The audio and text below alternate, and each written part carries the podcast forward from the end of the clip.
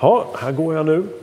Eh, på väg in på Nasdaq. Se om jag kan få tag på ja, den här.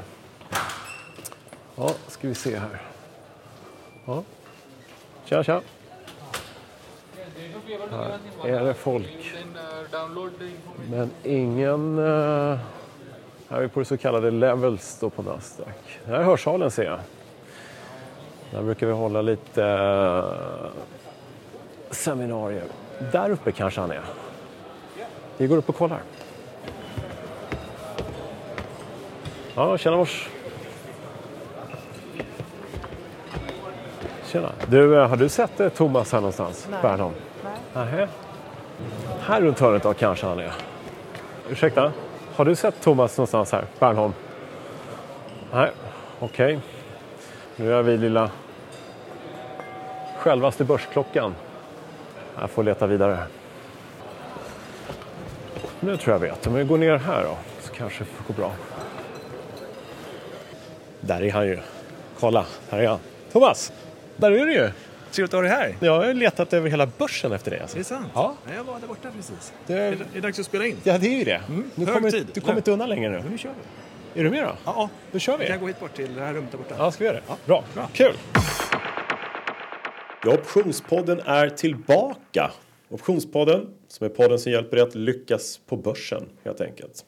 Här diskuterar vi aktiehandel och trading och tar upp lite insikter och kunskaper om börsen och lite om börsens bolag.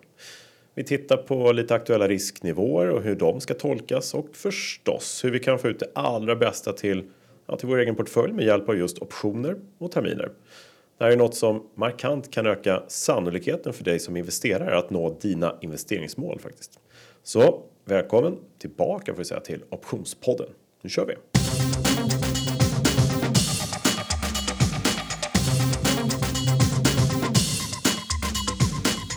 Ja, men välkommen på nytt då till Optionspodden säger vi här. Podden som handlar om mer än bara optioner faktiskt och ger dig kunskaper som ingen privat eller professionell investerare bör vara utan. Tycker vi. Många som håller med oss. Mitt namn är Kalle Björkegren och med mig idag till slut har jag hittat tillbaka till Thomas Bernholm. Är du där? Här är jag. Du, du fick leta ett tag. Jag fick leta ett litet tag efter Det var lite ja. roligt. Ja. Men det är jättekul att vara tillbaka. Eller hur? Det var ett tag sedan sist. Mm, det var ju det. Eh, och det är så det blir ibland. Det är mycket som kommer emellan. Eh, och efter, ska vi kalla det för säsong ett, så har vi fått mycket bra feedback och mycket, många glada tillrop och många som vill höra mer helt enkelt. Och då lyssnar vi på det. Mm. Och jättebra frågor har kommit in också. Jaha, inte Roligt. så få heller, utan Nej. ganska många frågor. Det finns intresse om optioner, så är det Ja. Eh, och det är lite roligt, tycker jag. Och de ska försöka bena ut här i, i kommande avsnitt. Mm, det är ju tanken. Ta några Och- frågor per gång. Ja, vi vill ju att fler ska lära sig de här hemligheterna med optionshandel på börsen så att man förstår vilka fina möjligheter som finns faktiskt Verkligen. att skapa väldigt, väldigt goda avkastningar oavsett marknadsläge. Mm. Och det är ju faktiskt, eh, ja, det är kunskaper ingen borde vara utan. Ja, vi har ju. Mm. pratat oss varma om instrumenten tidigare, men det är ju verkligen så att det finns ju alltid ett tillfälle man kan använda sig av derivat, optioner och terminer. Ja, det gör ju det. Så många olika möjligheter.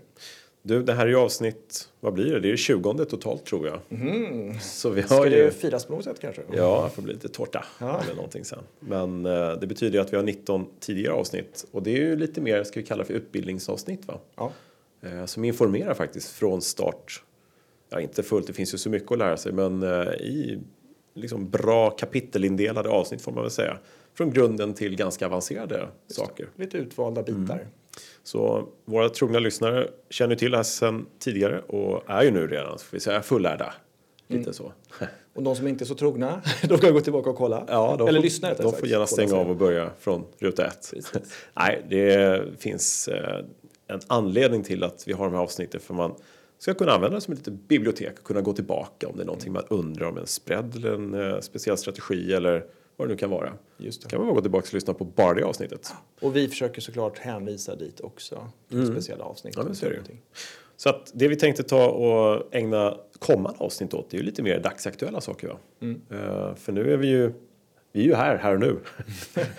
Får vi lov att säga. Ja. Eh, Så vi tänkte att vi ska väl... eh, Ja, vi, vi pratade lite grann om hur marknaden ser ut i våra termer av volatiliteter och optionsmöjligheter. En liten marknadsanalys helt enkelt. Eh, och ett, därefter ett case va? Ja, vi kan prata lite olika strategier och Mm. så. Vi kan basera det på lite frågor som kommit in och sådär också. Mm.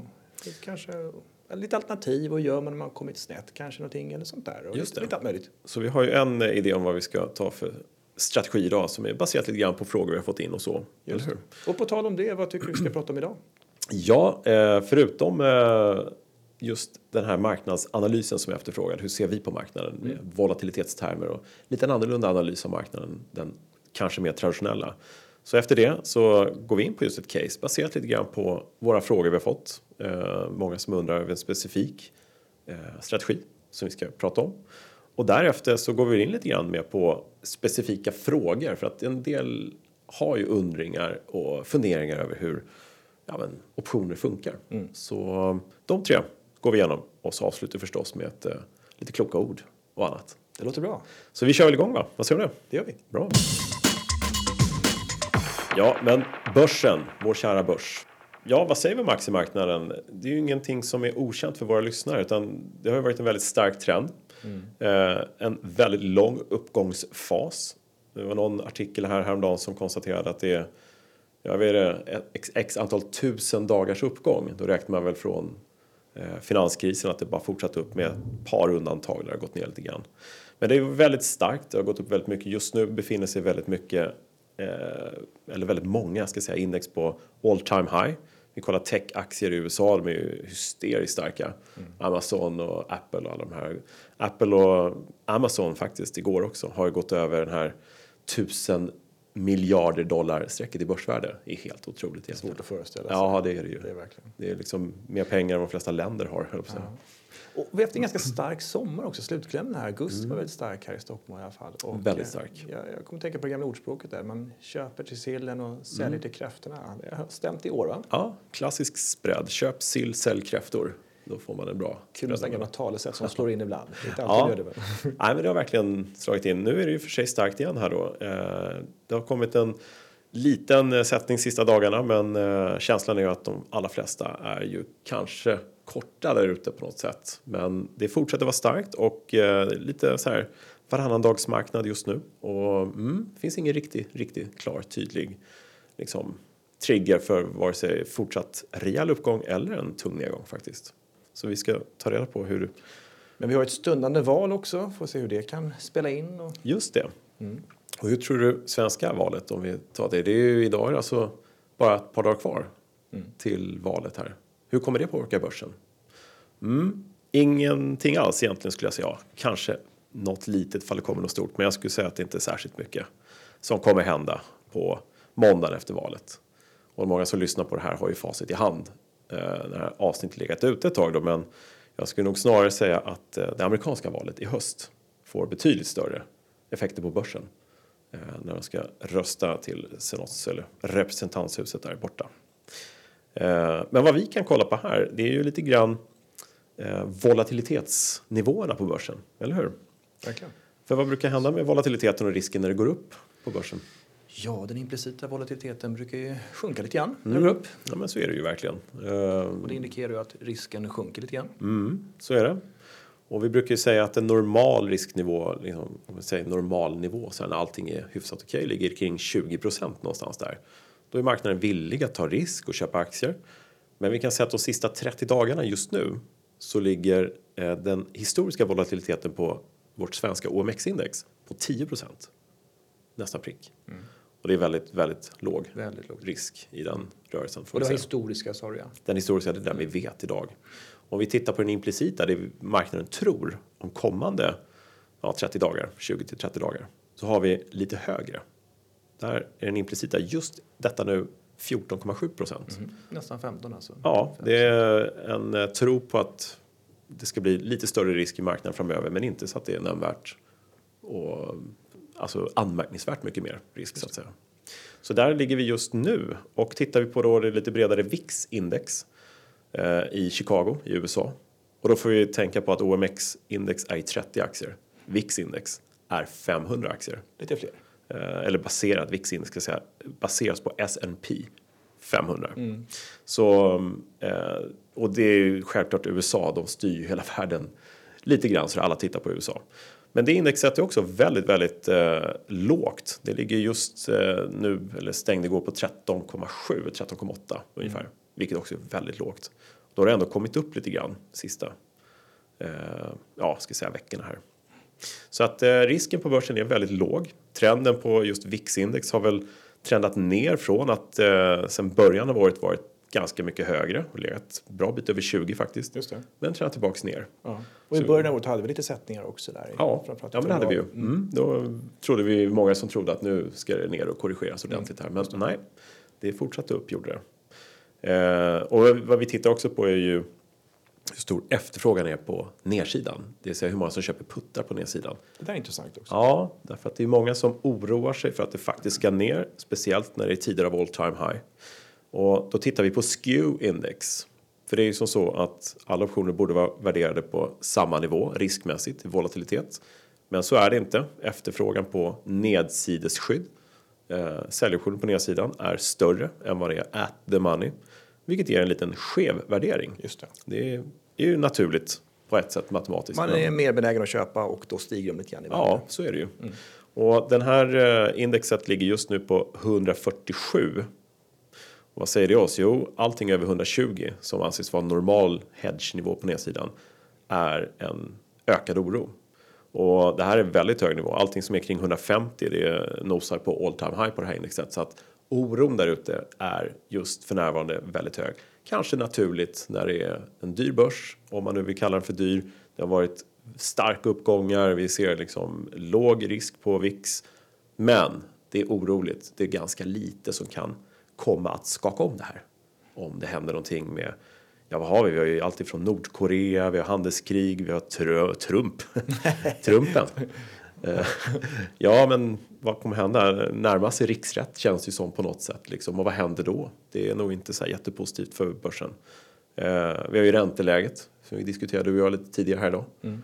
Um, Mm. Just det. Om vi återgår bara till siffrorna lite grann, om du var klar där. Mm, ja. Absolut. Så tänkte jag just på det här, du hade ju ett begrepp, ett uttryck för just den här differensen mellan implicit volatilitet och historisk volatilitet. Ja, mm. Som i eh, OMX S30s fall här så hade du ungefär 5% skillnad, 14,7 mot 10 ungefär. Ja, precis. Någonstans och det benämner där. du? Ja, jag kallar det för edgen däremellan då. Edge som alltså kanten mm. på engelska. Och det är när implicita volatiliteten är hög, den historiska. Då mm. pratar man om edge. Ja, det... Annars får man kanske att man har negativ eh, edge. Negativ edge. Om det, om det är det omvända. Exakt. Men det är ganska intressant att implicita volatiliteten är fortfarande ganska låg. Mm. Men skew-index är ja, lite högre ändå, eller hur? Ja, det är det. Mm. Verkligen. Så att det där eh, kan ju nästan vara så att man bör ta in båda i, i sin tolkning, eller hur? Det bör man definitivt ja. göra. Varje dag när man tittar på risken på börsen och ska se om sin portfölj, liksom, då mm. bör man ta in definitivt VIX-index, OMX-index och framförallt SKEW-index. Därför att du får sammantaget då en bild på dels hur risken är just nu, mm. men också hur oron är, vilket kan indikera att om det händer någonting, ja då vet du att det är många som har långa säljoptionspositioner på nedsidan som kan kicka in och ja, det kan ju faktiskt påverka börsen på ett extremt mark markant sätt får jag säga. Mm. Och den här trenden om man går in på SKEW index och kollar och om man inte har tillgång till den här eller vill leta rätt på den så skicka ut den här på Twitter ganska ofta. Det gör du ja. ja. Så där kan man gå in på min Twitter, att se Björkegren och kolla på de här graferna så ser man att det är en stark trend uppåt för SKEW sen ungefär ja, april, påskas ska jag säga. Efter påsken så har den här trendat stadigt uppåt, ja, oron på börsen. Så det är en bra indikation att ha med sig. Om vi tittar bara lite snabbt på aktierna på index, vårt svenska index. Hur den här lilla edgen ser ut då. Risken som den har varit fram till idag jämfört med vad marknaden tror att den ska vara kommande 20-30 dagarna. Och egentligen så är det inte så konstigt. Vi kan ta några exempel här bara som jag sitter och ser framför mig. Det ena är ju Hennes och Mauritz som alltid är på tapeten lite grann, eller hur? Den har inte gått så jättebra. Eh, Hennes och Mauritz eh, halverats och lite mer därtill och sista eh, riktkursen jag såg på Hennes och Mauritz var ju 70 kronor, vilket är ju ja, det är mycket lågt. De mm. har lite att jobba med med onlinehandeln och anpassa sig efter det. Där har vi en historisk volatilitet såklart som är ganska hög på Hennes Mauritz som är ja 25,8 det är inte så högt, det är ganska naturligt ska jag säga. Men vi har ju den implicita volatiliteten vad man tror i risktermer på hennes marknad på 41. Mm. Där har vi den här edgen då som är alltså 15 punkter högre i risktermer kommande investeringsperiod. Så i Hennes Mauritz, där är man orolig för nedsida, så är det ju. Men det är å andra sidan kanske inget nytt. Sen för att nämna några andra så har vi ju också där man tror risken ska öka som exempelvis eh, har vi våra ja, Electrolux till exempel, verkstadsbolagen. Vi har Assa Abloy, samma sak där. Electrolux har vi rörelse på 17 historiskt, men implicit upp till 24. Alltså det är ju sju punkter upp där också som man mm. tror att det ska öka. Och vi har sex punkter upp till exempel i Assa Abloy. Så att i eh, ja, verkstad så tror man på lite, lite större risk framöver här. Och om vi ska titta på någon där risken har minskat, då kan vi ta exempelvis eh, ja, men Securitas ASEA till exempel, om det är någon som är intresserad av det. Eh, där har vi en eh, historisk eh, rörelse på 24 procent ungefär och ja, den har minskat. Där optionerna handlas mycket billigare nu till ner till 18-19 procent någonstans. Flackar lite. Eh, bara för att ta någon lite grann där. Mm.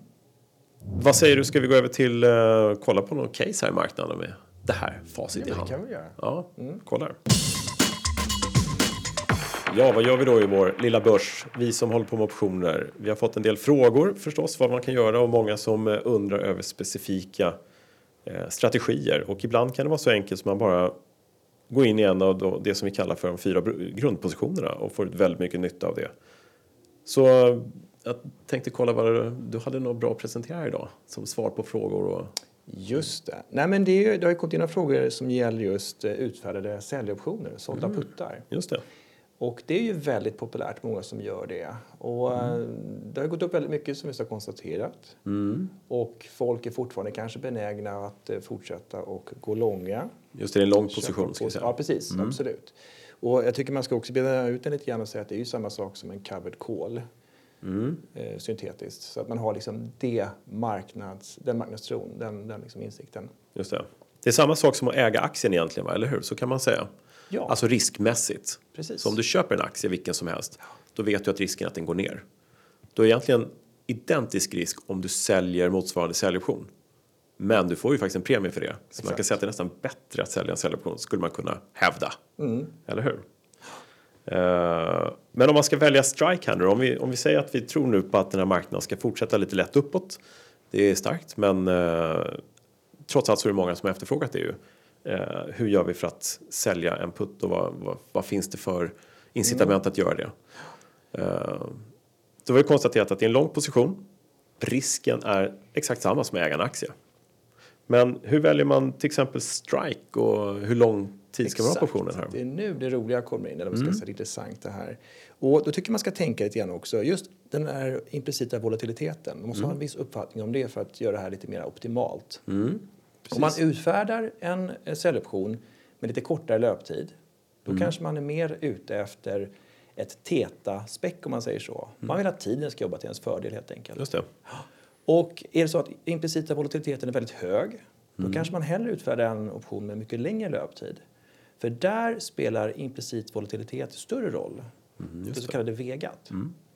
Så om man tror på en sjunkande volatilitet och en uppgång mm. Så kan man såklart utfärda en, en säljoption där du har både teta och vega till en fördel mm. mellan lång löptid. Man ska säga. Det är ju så att eh, om man nu är osäker på vad teta och vega är för någonting så har vi ju optionspodden avsnitt 10 man kan gå tillbaka ja, till och lyssna. Det var det det var? Ja, nummer 10? Exakt. Ja. Det är där man kan lyssna om man nu känner sig osäker på det. Men eh, vi, jag känner direkt att det är flera incitament till att göra bara den här enkla positionen. Istället för bara att tro på en uppgång eller nedgång så har helt plötsligt tiden fått betydelse. Mm. Och hur mycket det rör sig. Ja. Och det vi just nämnde alldeles nyss om de här, den här så kallade edgen i respektive aktie. Hur det har gått, den historiska volatiliteten jämfört med vad marknaden tror just nu. Den implicita. Då har du din edge så att säga, plus eller minus då. Uh, och uh, ja, då har du ju faktiskt ett incitament här direkt. Uh, om vi tar Vegat där för längre löptider, hur tänker vi där lite grann? Ja, nu måste jag bara mm. först och främst säga också att jag får inte ge några rekommendationer sådär. Så att jag, men, Nej, de, de står för mig. Ja, precis. Så allt det du säger Nej, har jag sagt till dig. Jag, jag, tycker man ska tänka så här, att mm. om man tror på en ökande implicit volatilitet, mm. då ska jag köpa en säljoption med lång löptid.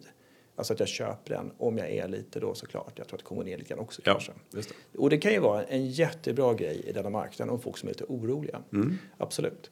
Och eh, eh, medan man då, om man nu tror på en snabb nedgång så köper man kanske lite kortare löptid. Mm.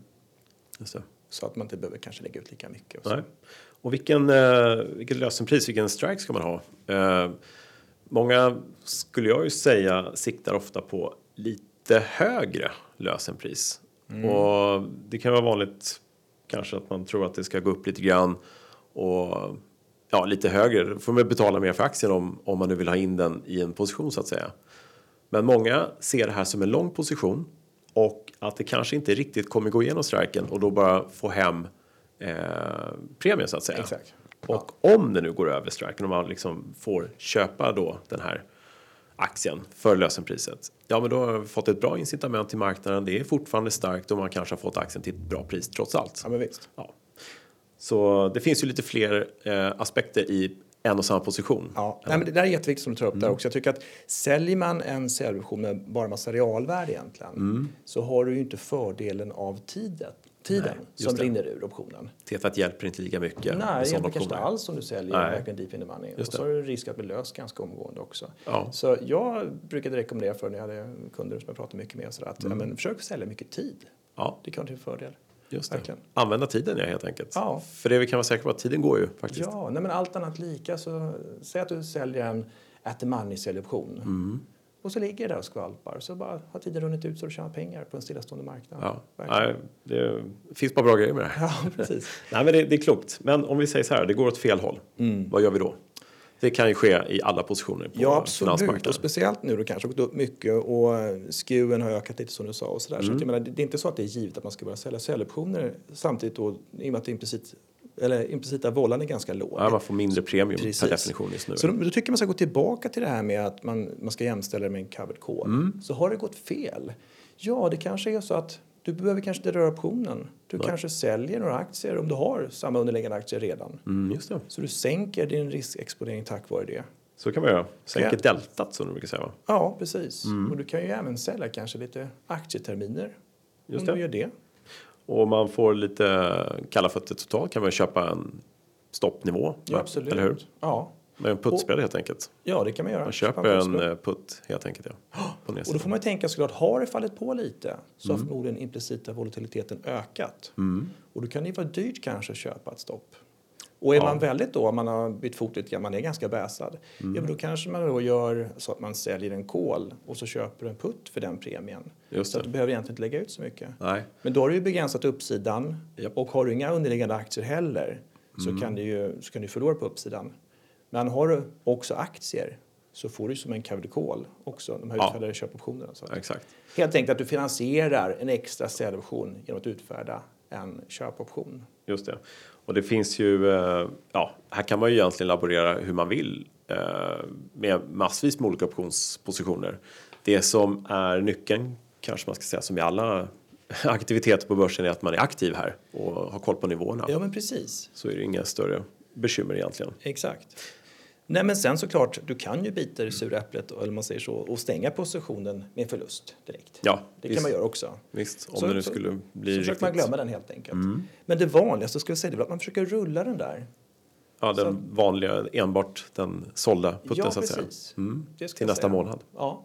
Så att du köper tillbaka den och Mm. rör till den kanske med ett lägre lösenpris i det här om det är optionsfall. Just det. Och längre löptid. Så kanske man kan göra plus minus noll. Då kanske du har sänkt lösenpriset med 5 kronor någonting sånt där. Just det.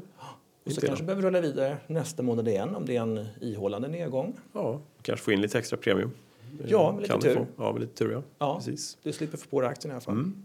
Återigen så gäller det att ha koll på ja, men nivåerna på börsen och, och man hela tiden uppdaterar vad man tror om den kommande liksom, 20-30 dagarna eller vilken tid man nu har. Det går ju bra med längre löptider också förstås.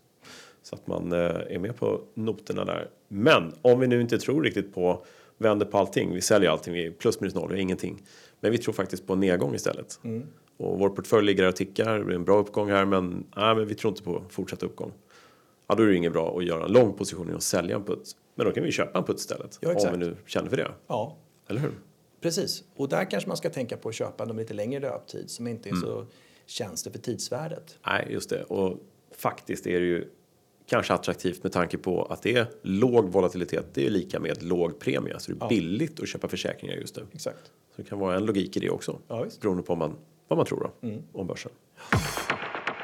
Ja, Thomas, det har kommit in eh, väldigt mycket frågor till eh, det är så roligt. bloggen, podden. Ja, på alla möjliga olika håll och kanter. Rent av kanske sms till dig eller när? Ja, det har, överallt. Det har faktiskt också kommit. Har du gjort det? Ja, det har det. ja, okay. Eh, någon som hittar på, ja. Men eh, det är kul, det finns mycket, många frågor, många väldigt sofistikerade frågor. Eh, man kan inte ta med alla här, då skulle vi sitta ganska länge. Men vi kan ta ett par som har typ dykt upp flera gånger i olika tappningar. Och en intressant är ju den här, påverkar optionshandeln aktiepriset? Alltså påverkar optionshandeln börsen helt enkelt? Mm. Och ja, det gör det skulle jag säga. Vad säger du? Egentligen? Ja, eh, då kanske man ska börja med att titta på vilka volymer vi pratar om. Mm, jo, bra. Det är väl, så, så, att har vi stora volymer så självklart påverkar det. Mm. För att då har du en stor kanske motpart som går emot och den vederbörande måste hedga sig i aktier. Det. Och det är klart att det blir köp eller säljtryck då. Ja. Absolut. Några få kontrakt ska ju inte påverka på något sätt. Nej, men om en större fond, lek med tanken, ja. går in i en så kallat block i ja, men, köpoptioner, säljoptioner, vad som helst. Ja, visst. Och ska hedga med aktier eller om de ja, en trader som, som ger priset på den här kommer hedga den här positionen och då mm. kom, det kommer definitivt påverka. Det kommer det göra. Eh, sen kan vi också säga att eh, det vanligaste instrumentet derivatmässigt är ju OMX-terminen som handlas. Och den är ju väldigt flitigt omsatt, det pappret mm. får vi säga. Och varje månad, den tredje fredagen, så ska det här bytas ju. Man rullar som vi varit inne på tidigare. Mm. Och då händer det ganska mycket också, kan det göra på börsen. Det är när de här terminskontrakten ska bytas och då kan det gå korgar, det kan gå stora block på olika aktier som är olika tyngd på index och sådär. Och där kan man ju se klara påverkan på börsen faktiskt. Ja, visst. Mm. Nej, men låt säga också att det kanske kommer en stor pensionsfond någonting som köper tusentals terminer ja. marknaden på kort tid. Ja, visst. Det blir ett väldigt köptryck mm. och det är klart att börsen går upp på en sån sak. Det är inte omöjligt att de gånger man ser att börsen går upp kanske en procent eller någonting utan några större nyheter. Att det är något sånt som händer. Speciellt om det är i närheten av slutdag på månaden liksom, för optionerna. Så det svaret på frågan, påverkar optionshandeln aktiepriset? Ja, det gör det faktiskt. Mm. Eh, inte för att optionerna på så sätt rent fundamentalt tekniskt påverkar på något sätt. Det är inte för att de finns så att man justerar aktiepriset, inte så. Utan det är omsättningen av optioner som sen skapar en hedge och omsättning i aktien som sen påverkar priset. Mm. Så var lite övertydlig där bara. Ehm, sen har vi fått en fråga som har, ja men den har kommit också i olika tappningar, men det är typ eh, det här med puts som vi varit inne på idag. Och en av de frågorna om puts, köpta och sålda puts är så här. Det är att om det finns någon egentlig anledning till att köpa puts i likvida aktier som inte är särskilt volatila. Och det är ju en liten tanke. Ja, vi säger så här. Har du, om du vill köpa en putt, mm. och då har du förmodligen negativ tro. Eller hur? Förmodligen. Det bör du ha. Ja. Eller du vill skydda dig bara. Det kanske är så att du vill hitta en nivå där du vill vara safe. Ja, exakt. Och jag menar, tror man på den nedgången och de är inte särskilt volatila så mm. har de förmodligen ganska låg implicit volatilitet. Ja. Och det kan bli en kalasaffär om det går ner. För då går det åt rätt håll, det vill säga mm. deltat går din väg.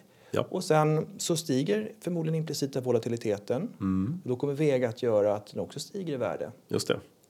Optionen så, ja. Option, ja, precis. Premien kommer ja, precis. sticka iväg. Ja. Mm. Och aktien faller förstås. Så jag menar, ja. ja. Så det finns all anledning att köpa puts ja. i sådana aktier? Men då pratar vi kanske mer om det, det är en timinghistoria verkligen. Mm. Så att man då tajmar det ganska väl. För annars så kommer ju tidsvärdet även där gröpa ur optionen. Så är det.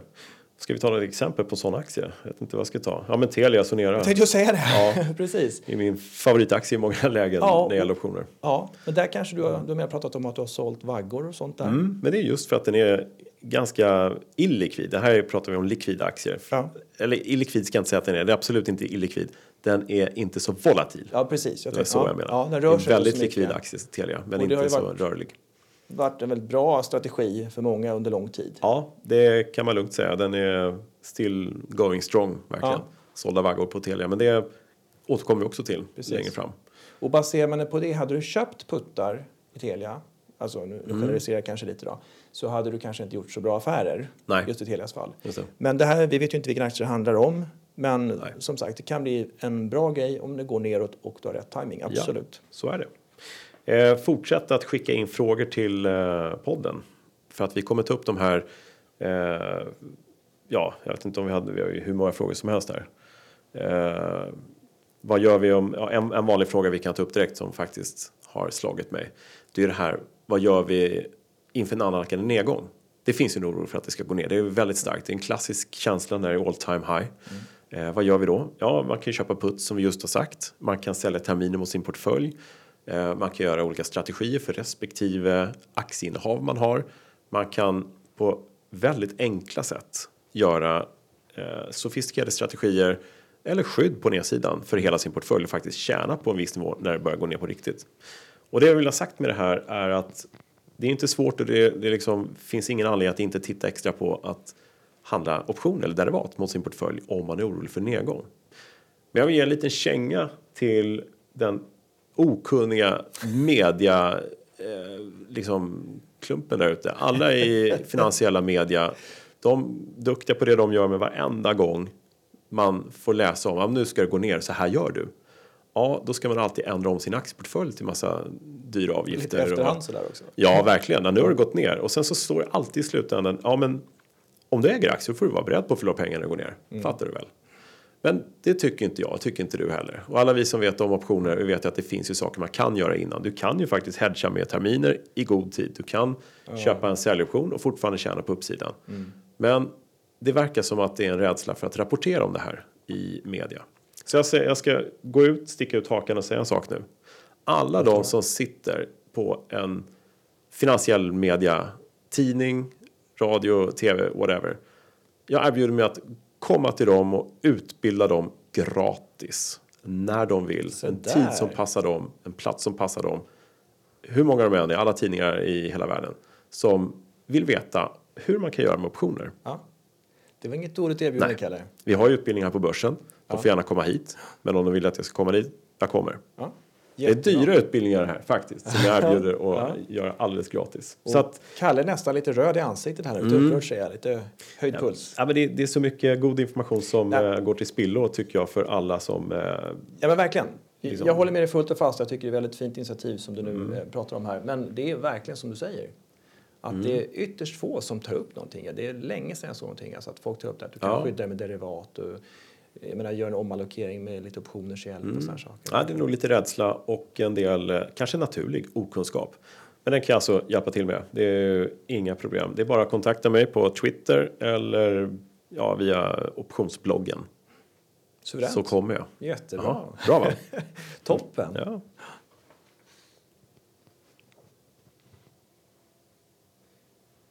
Ja, det här lockar upp tak. Kanske. Jag vill ha tagit. Har du pratat? 35 minuter? Ja, det börjar bli time. Mm. Runda av. Mm. Ja du Thomas, eh, som alltid.